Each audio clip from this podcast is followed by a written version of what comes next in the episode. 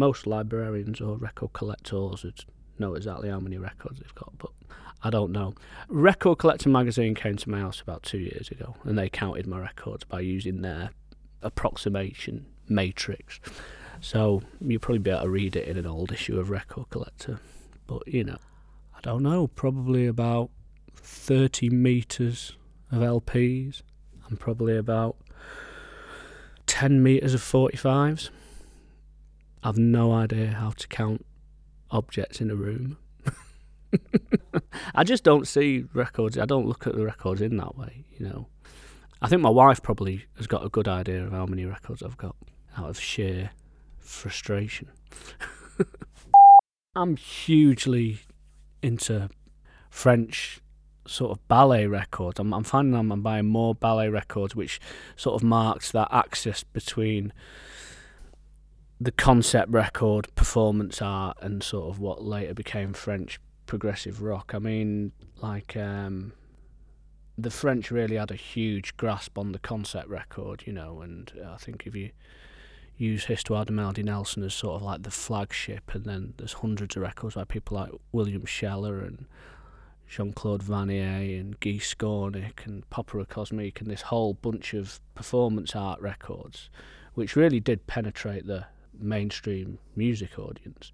But it seems to only exist in France. But a lot of them were to do with ballets, you know, like uh, Pierre Henry's most famous pop record is a ballet performance by Maurice Béjart, and In Solitude, L'Enfant Assassin des Mouches by Jean Claude Vannier is a ballet record, and tons of them ballet records. I never thought as a kid I'd have so many sort of French ballet records, but I think that's an amazing obsession, you know. But it happened in New York as well, you know. You know, there's a lot of great, uh, truly experimental ballet LPs out there that I'm, I've got a penchant for at the moment.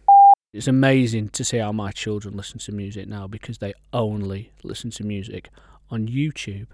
That's how they listen to me. They they're not even interested in MP3 players. They just want to watch everything on YouTube, which is incredible to me. But it's it is very progressive, you know, and they don't care about compression. They don't care about, you know, aliasing and, and how things are produced and digitized, you know. You can either see it with the picture or you can see it without, and nine out of ten times they want to see the video and they just watch it on YouTube and that's it. Last night I was getting my records together to come and DJ in Barcelona. I've only got to do a short set tonight. I'm only DJing for an hour. So I had about two hours worth of records in my bag and there was one record which I couldn't find at all, and it was driving me mad because I had to find the record. I didn't know where it was going to be, and I, I, I, was just up until I was up all night looking for it, and then uh, I found it, and then when I went to leave to get the taxi to the airport this morning, I didn't even bring it with me. But I just had to find that record last night, and it's a, it, that is one of the biggest problems because if I've lost that record, I don't know how many records I lost with it. That could be in a pile of records with a load of others. So it's terrifying when you just can't find one thing because, you know, that means you you might have lost. You know, it's unlikely to lose. You're unlikely to lose one record on its own. It might be a pile that you've lost or left somewhere, and that's where it becomes a bit sketchy. And that's a bit where you start sort of losing your mind.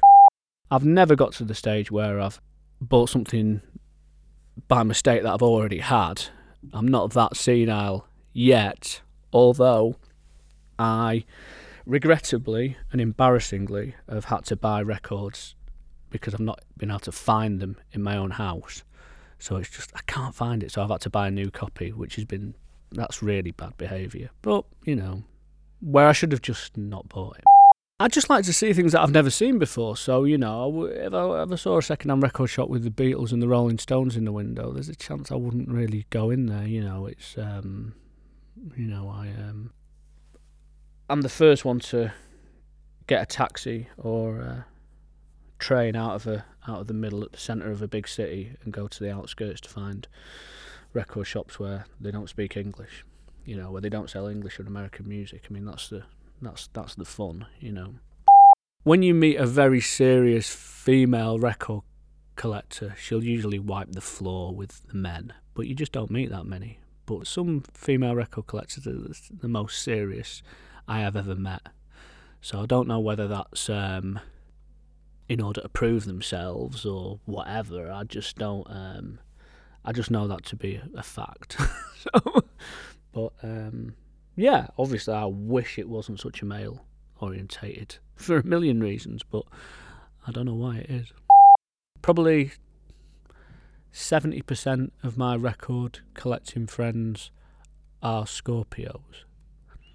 Chris McBride from Liverpool, Cherrystones, Chris the Judge Arthur, myself, uh, just a few Scorpios. There's tons of record collecting Scorpios. I don't know why. I don't know what it is. But, you know, you uh, look into it yourself and get back to me. I'd love to know. Maybe Scorpios are competitive and lazy, and this is why it's the perfect sport.